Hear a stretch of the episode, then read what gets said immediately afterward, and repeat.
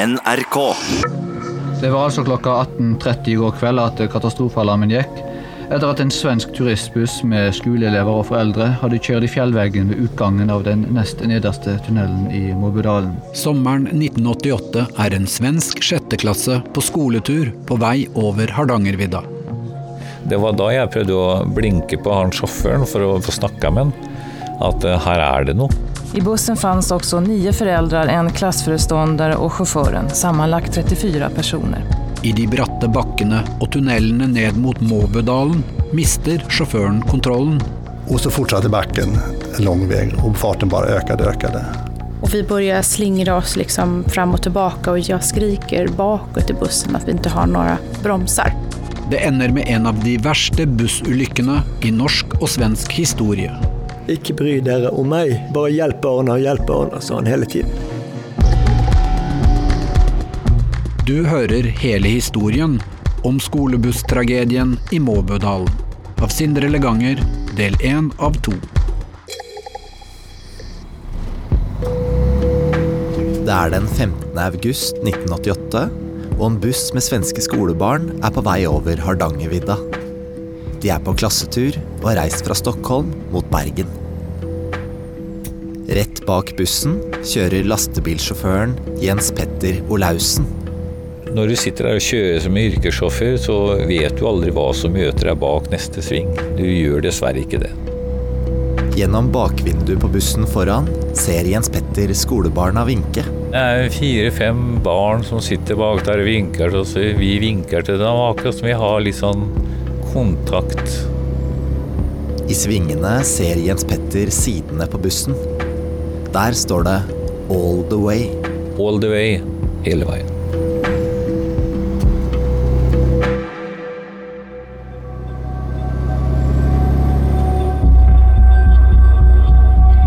De nærmer seg nedkjøringa fra fjellet, som går gjennom bratte spiraltunneler nedover i fjellsiden. Bakkene begynner, og bussen og Jens Petter kommer inn i den andre tunnelen. Da oppdager Jens Petter noe. Det ryker fra hjula på den svenske bussen.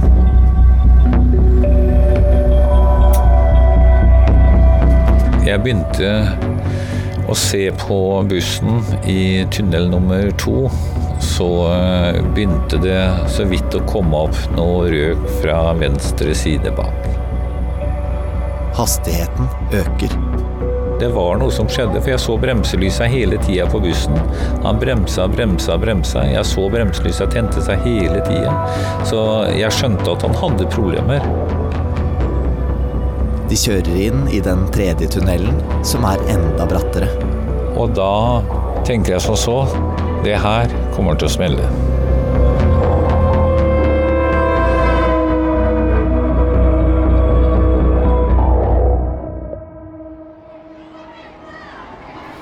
Nej, men vi bestämde att vi skulle åka på någon klassresa som man gjorde väldigt mycket förut.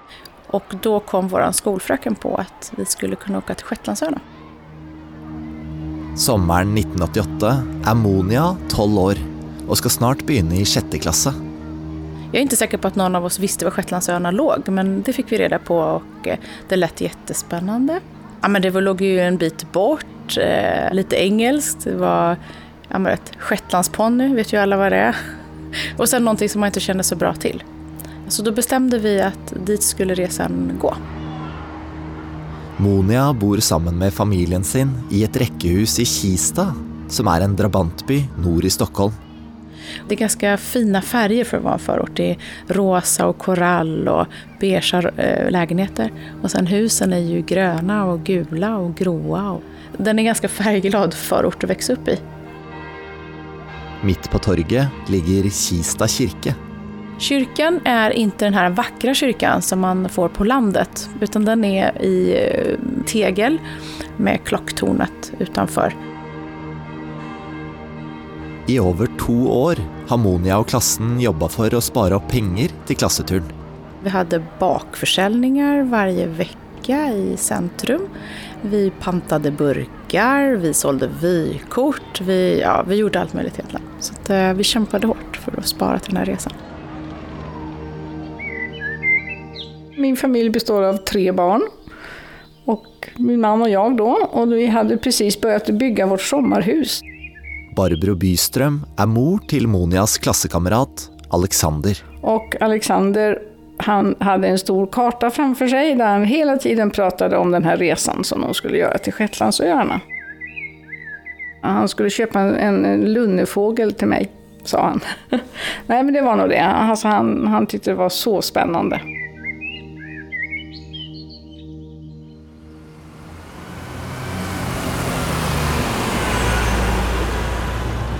Planen for klasseturen er å kjøre buss gjennom hele Sverige og Norge fram til Bergen.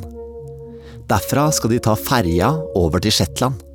Hva vi var urolige for, det var jo ikke själva bussferden, utan det var ju, för då satt jo barnen i bussen. Mm, Vi var jo mye mer urolige for denne båtferden fra Bergen til Shetlandsøyene. Den var jo litt läskigare, Der kunne jo barnen springe litt hvor som helst og sånn. Barbros mann heter Kent Søren Bystrøm, og de har tre barn sammen. Alexander og to jenter. Kent er politimann, men har tidligere jobba som bussjåfør. Og sen hadde han kjørt kört skolbarn flere ganger. Även eldste flikkens klass hadde vært ute på ferier og sånt og da hadde han kjørt buss og så. For å gjøre reisen billigere tilbyr han seg å skaffe klassen en buss og bli med som sjåfør.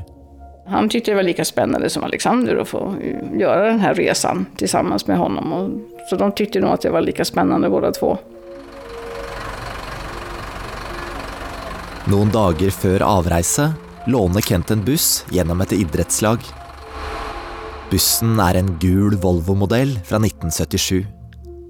Setene har brunt 70-tallsmønster og mangler sikkerhetsbelter, som uansett ikke er noe krav på denne tida.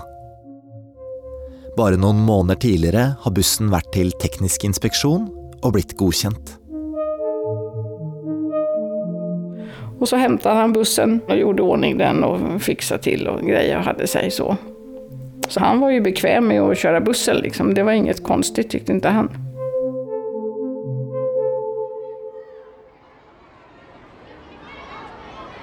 Søndag den 14. august 1988 står bussen klar på parkeringsplassen ved skolen, og klassen er klar for avreise.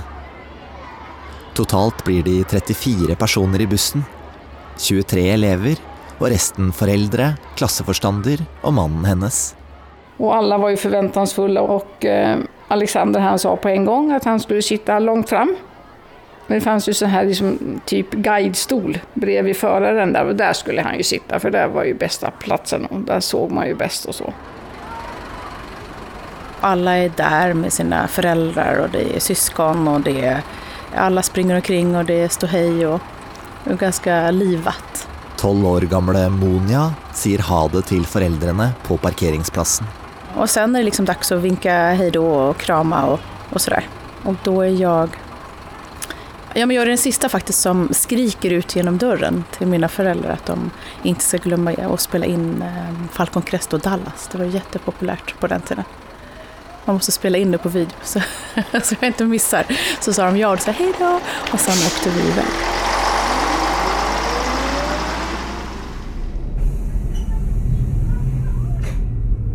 Sjetteklassen på Kvarnbakka skole i Kista sitter i en buss på vei til Norge.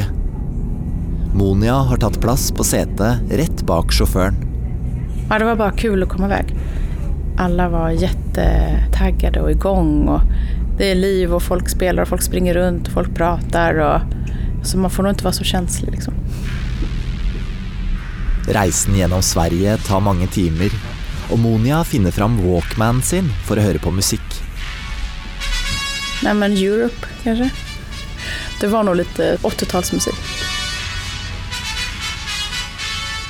Planen er å overnatte utafor Oslo, og så kjøre videre vestover dagen etter. Då eh, skulle vi telte på noens gressmatte. Det var veldig interessant. Hun våknet opp, og det var alles bløtt i teltet og overalt. Men allting var jo liksom, oavsett regn eller inte, allting var så roligt. Vi hade så kul och vi skrattade och eh, det var liksom bra stämning hela tiden. Alla var på så bra humör.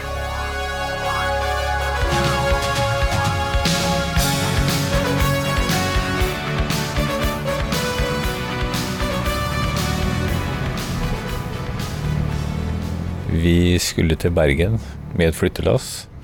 Det har blitt mandag den 15. august 1988, og Jens Petter Olaussen jobber som lastebilsjåfør. Han og en kollega skal kjøre et flyttelass fra Fredrikstad til Bergen. Og når vi kjører da innover mot Oslo, så treffer vi den bussen.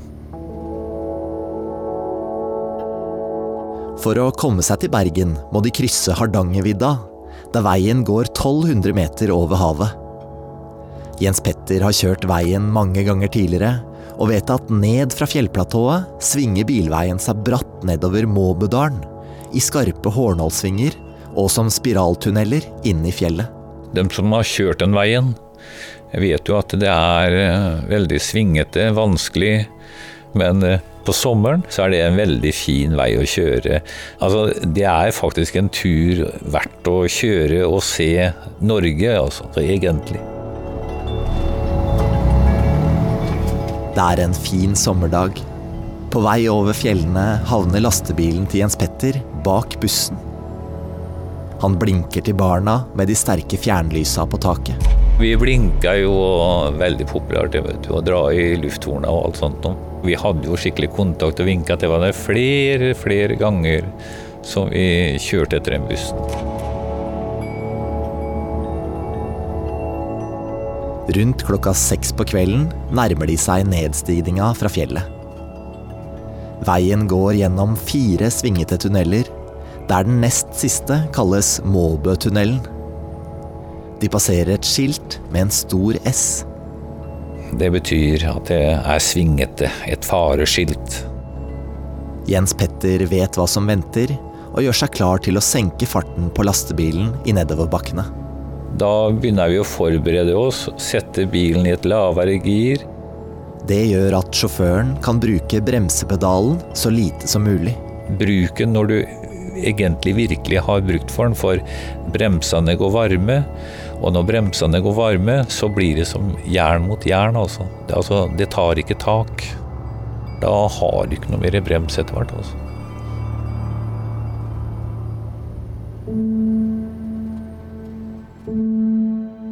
Nedoverbakkene begynner, og bussen og Jens Petter kjører rolig ned gjennom de første tunnelene. Da oppdager Jens Petter at det ryker fra hjula på bussen foran. Så eh, begynte det så vidt å komme opp noe røk fra venstre side bak. Igjen blinker Jens Petter med de sterke lysa på taket. Det var da jeg prøvde å blinke på han sjåføren for å prøve å komme inn på en sånn rasteplass. da. Og så få bremsa og få snakka med han. Han får ikke kontakt. Han bremsa, bremsa, bremsa. Jeg så bremselyset tente seg hele tida. Så jeg skjønte at han hadde problemer. De kommer ut av den andre tunnelen, der veien bare går et kort strekk ute, før de suser videre inn i den tredje.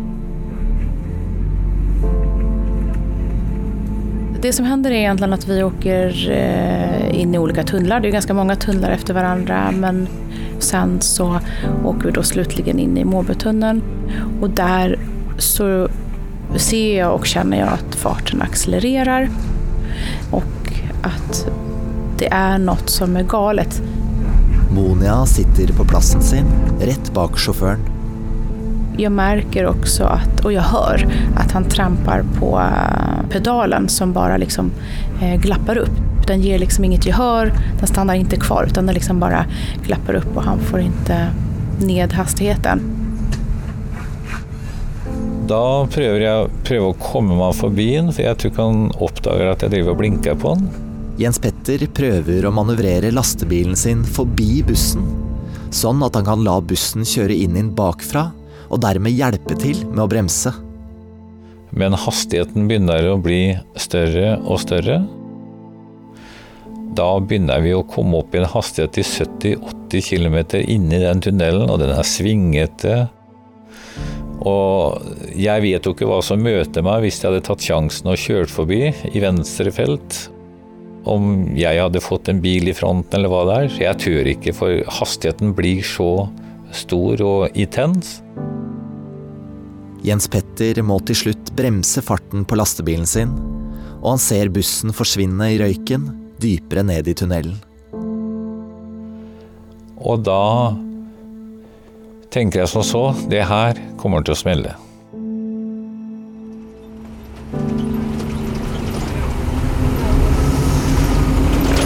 Vi börjar slingre oss liksom fram og tilbake og gjør for å sakte ned farten egentlig.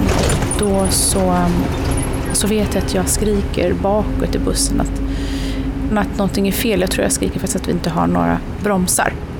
Ifølge Monia ber sjåføren henne om å være stille. Och inte skrika det högt förstås för att det skapar ju panik. Jag vet inte riktigt vad responsen blir på det men jag blir i alla fall tyst och säger inget mer. Men jag vet att någonting är fel och jag ser också hur vi möter mötande trafik som kommer från andra hållet.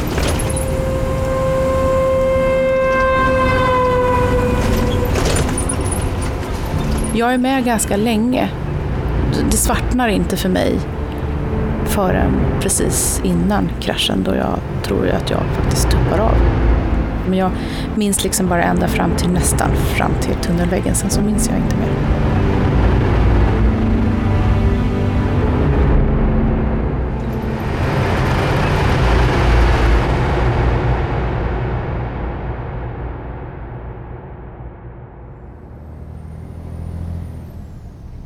Lastebilsjåføren Jens Petter Olaussen har sett den svenske bussen forsvinne inn i røyken i tunnelen.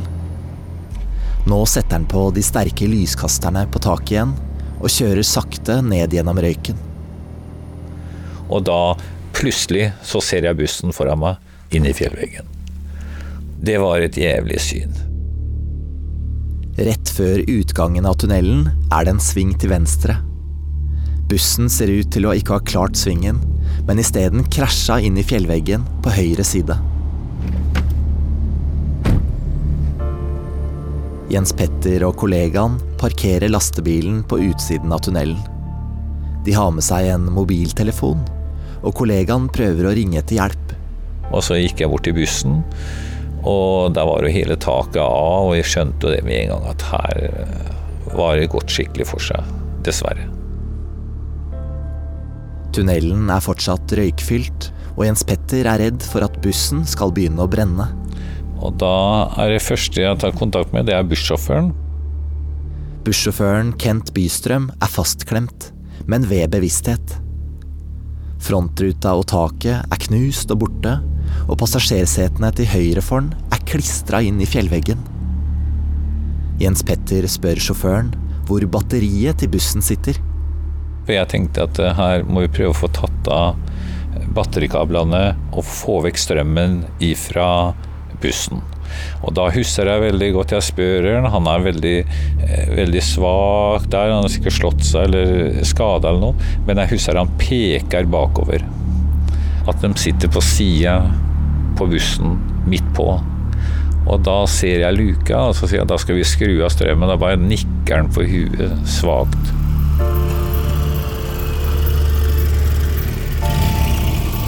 Flere folk kommer løpende for å hjelpe. En av dem er Terje Bergsvåg, som også har kjørt etter bussen på motorsykkel. Og når jeg parkerer sykkelen, så ser jeg at bussen står klistret opp etter fjellveggen. Og den var såpass smal fra den vinkelen jeg så, at det så nesten ut som bussen var tegnet på veggen. Bakenden av bussen står litt ut fra fjellveggen, og det gjør at Terje og Jens Petter kan komme seg inn i bussen gjennom bakdøra. Vi gikk inn i bussen bak, og eh, det var forferdelig med hyl og skrik. Folk satt fastklemte, for setene hadde da bikket kraftig fremover som dominobrikker. Og veldig mange satt klemte mellom setene som, og, og kom ikke løs. Jens Petter løper ut i lastebilen og henter en jekk for å knuse bussrutene. For å kunne evakuere folk. Og der er jo et hylende kor. Mange av dem har fastklemt fra maven og ned og sitter fast pga. stolene. Og der er et jævlig syn. Det er veldig mye blod, veldig mye panikk. Og mange av de er i ferd med å dø, og dør også mens vi er der og eh, prøver å få løs og redde de som er mulig å redde.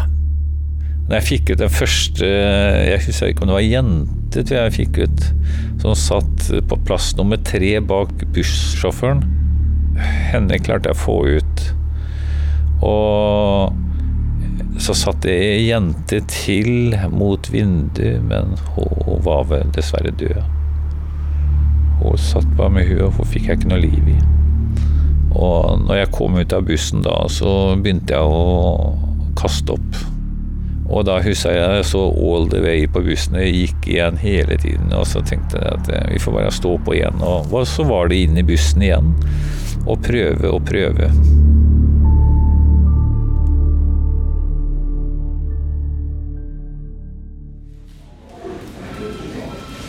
På politikammeret i Odda, åtte mil unna Mobbedalen, får lensmann Eiliv Lønningen beskjed om at det har skjedd noe alvorlig.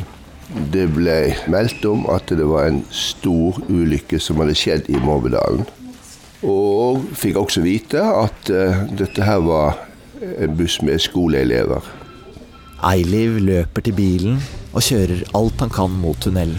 Altså Kjøreturen var 86 eh, km på smale veier. Jeg kjørte den på en time. Jeg våkner opp, og det første jeg kjenner, er at jeg sitter fast med mine ben. Det er jo liksom min følelse at jeg sitter fast. Monia sitter fastklemt i et av setene bak sjåføren. Jag ser sjåføren framfor meg som sitter i en veldig konstig stilling, hengt over ratten med en arm fast i taket. Og, og, så satt han hele tiden. Han satt helt fast bare. Hun kan ikke røre beina sine, og det renner blod fra et stort sår nedover låret. Hun kjenner at noe er feil med ansiktet. Nesa hennes er blitt knust. Jeg minns ikke så mycket smärta. Jag kunde ju använda mitt huvud och titta åt olika håll och så vidare. Men mina ben vet jag, de satt bara fast. Och det var väl den liksom panikkänslan man hade, att jag kommer ingenstans, här sitter jag. Rundt klokka 19.40, over en time etter krasjet, ankommer lensmann Eiliv Lønningen Måbøtunnelen. Redningsfolka strømmer på, og snart kommer de i gang med å skjære ut passasjerene som sitter fast. Men Eiliv holder seg i bakgrunnen. Det var vel noe mentalt som sa meg at du, det skal ikke bli for mange inntrykk på deg. Du må forsøke å, å, å holde deg litt i bakgrunnen, slik at du kan være litt rasjonell når du gir beskjed eller ordrer hva som skal gjøres, og ta imot opplysninger. Etter hvert går han bort til tunnelen for å hjelpe til, han også. Det som var litt spesielt da, det var at det, var så stille. Ok, vi hørte kompressor som måtte skaffe lys, og usitt for å skjære opp bussen. Vi hørte helikoptrene som, som kom og gikk. Men allikevel så var det en sånn på en måte en hellig stillhet over det hele. Jeg husker ei jente som lå på bakken utenfor. Ei, ei ung jente på en ca. tolv år. Det som jeg husker spesielt på henne, det var at hun hadde en skade på nesen sin. Det er akkurat denne skaden og den jenta har jeg tenkt på i, i alle år. Hva skjedde med henne? Hun lå der helt rolig, helt stille med gjenlukte øyne. Men eh, då jeg jag ut og eh, ganske kort derpå så hamnar jeg i en helikopter. Til slutt er det bare bussjåføren igjen. Jeg snakket en god del med bussjåføren, som satt igjen i bussvraket helt fremme. Terje Bergsvåg, som kom til ulykkesstedet på motorsykkel. Han var det aller siste som vi fikk ut av bussvraket i live, og det var jo langt utpå kvelden, mange timer etterpå. Ikke bry dere om meg, bare hjelp barna, hjelp barna, sa han hele tiden. Så ville vi skulle prioritere de.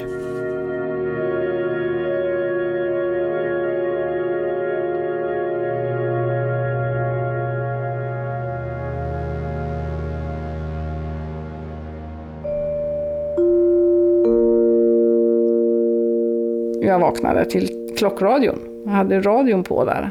Barbro Bystrøm i Kista har hatt ektemannen Kent og sønnen deres Alexander om bord i bussen. Og eh, våknet til nyhetene då klockan fem på morgenen eh, att eh, det hadde hendt en bussolycka. Klockan kvart över sex igår kväll körde bussen med de 23 skolbarnen från norra Stockholm in i den näst sista tunneln genom bergen utanför den lilla orten Eidfjord, 18 mil från Bergen i sydvästra Norge. I bussen fanns också nio föräldrar, en klassföreståndare och chauffören, sammanlagt 34 personer. Och jag förstod på en gång att det var den bussen därför att eh, det var inte så många skolbarn från Kis, eller från Stockholm sa de ju, som åkte just den vägen. Så jag förstod på en gång att det var de som hade kört in i en bergvägg. Hela ena långsidan av bussen slets loss i kraschen mot väggen. Det verkar som om chauffören försökt att få stopp på bussen genom att köra upp den mot tunnelväggen och som om bussen haft mycket hög fart när den törnade emot tunnelväggen. Ja, det första jag gör är att jag springer in till min då 16-åriga dotter och väcker henne och bara säger att pappa har kört in i en bergvägg. Men sen gick jag ut och hämtade tidningen. Och eh, där stod det då med jättefeta bokstäver att 15 döda i bussolycka. Och precis i den här vevan då så ringer det på dörren och då står det två poliser utanför. Och då kommer de in och då satt vi och pratade och så säger de att Kent levde och låg på ett sjukhus. Någonting om Alexander visste de inte då. Och då förstod inte jag varför 15 kunde vara döda. För att om en buss kör in i en bergvägg så är väl föraren den som dör først, liksom. Politiet gir Barbro telefonnummeret til sykehuset i Norge, der mannen hennes ligger. Jeg ringer dit og får prate med läkare. Og det var da første gang jeg hørte ordet pustemaskin. Det syns jeg er så gulligt. Istedenfor respirator så sier man pustemaskin i Norge. Jag förstod att han var allvarligt skadad, det kunde jag ju räkna ut så. Och de visste ju heller ingenting om, om vad som hade hänt Alexander då. Polisen i Bergen fortsätter nu att utreda vad som egentligen hände i tunneln. Chefsläkaren på sjukhuset i Odda, doktor Dala, som tog emot de skadade i natt, säger till Ekot att det ryktades om att bromsarna slutat fungera, men att ingen egentligen vet det nu. Jag kommer ihåg att jag gick ut och gick här runt i Kista. Jag visste inte vad jag skulle göra, jag fattade ingenting. Jag visste inte vad jag skulle ringa. Alltså jag fattade inte vad man, vad, vad gör man när det hänt en olycka i Norge liksom. Jag förstod inte riktigt det där. Barbro går opp på torget, der kirka ligger. Og Der var det massor med folk utenfor kirka. Det var, ja. Og da gikk jeg bare hjem, for jeg tenkte det klarer jeg det. Det orker jeg liksom ikke med. Och då när jag kom hem, då satt det nya poliser hemma hos mig. En kvinnelig politibetjent ber Barbro sette seg i sofaen. Och då bara sa jag till henne att du vet något som inte jag vet. Berätta det för mig nu. Då berättade hon för mig att Alexander var död. Och ja, sen fattet jag nog inget mer. Jag brukar säga att det var ungefär som att jag satt under en sån här ostkupa med sån här glaslock på. Det hände massa saker runt omkring mig, men jag har inget... Alltså, nej. Jag fattar nog inte vad som hade hänt.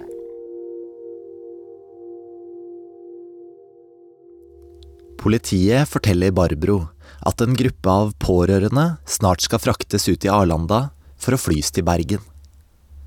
De ber henne om å følge med til kirka, der bussene venter.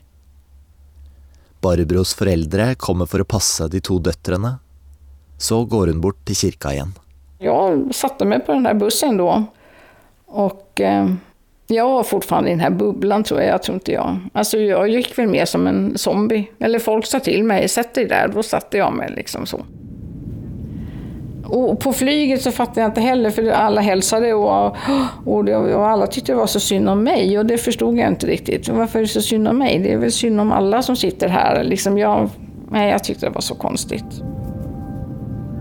Alltså den enda tanken jag hade i mitt huvud under den här tiden, det, det var att jag var tvungen att se Alexander igen. Det var bara han på något sätt. Även om folk sa att han var död, så nej men jag hade nog bara en sak i huvudet och jag måste få se honom igen.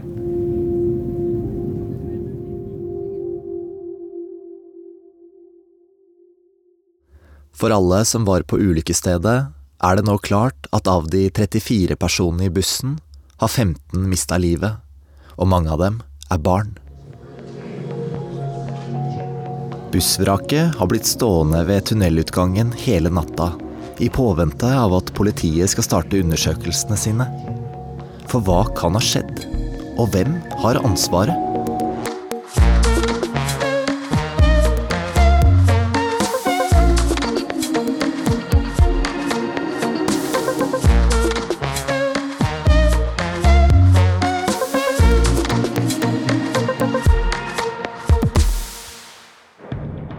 Du har hørt første del av skolebusstragedien i Måbudalen av Sindre Leganger fra Svarttrost Produksjoner. Lyd etterarbeid ved Kjetil Hansen og produsenter Jon Jorås og Kjetil Saugestad. Redaktør Siril Heierdal. Dokumentaren er en koproduksjon med Sveriges Radio og først publisert i P3 Dokumentær. Følg historien videre. Det her burde aldri behøvd hende. Og de som hade kunskapen om att tillsätta hade gjort sitt jobb. Den jag ber om att få träffa dock, det är ju chauffören. Jag vill se honom. Jag insisterar på att jag vill träffa honom. Och jag får det också.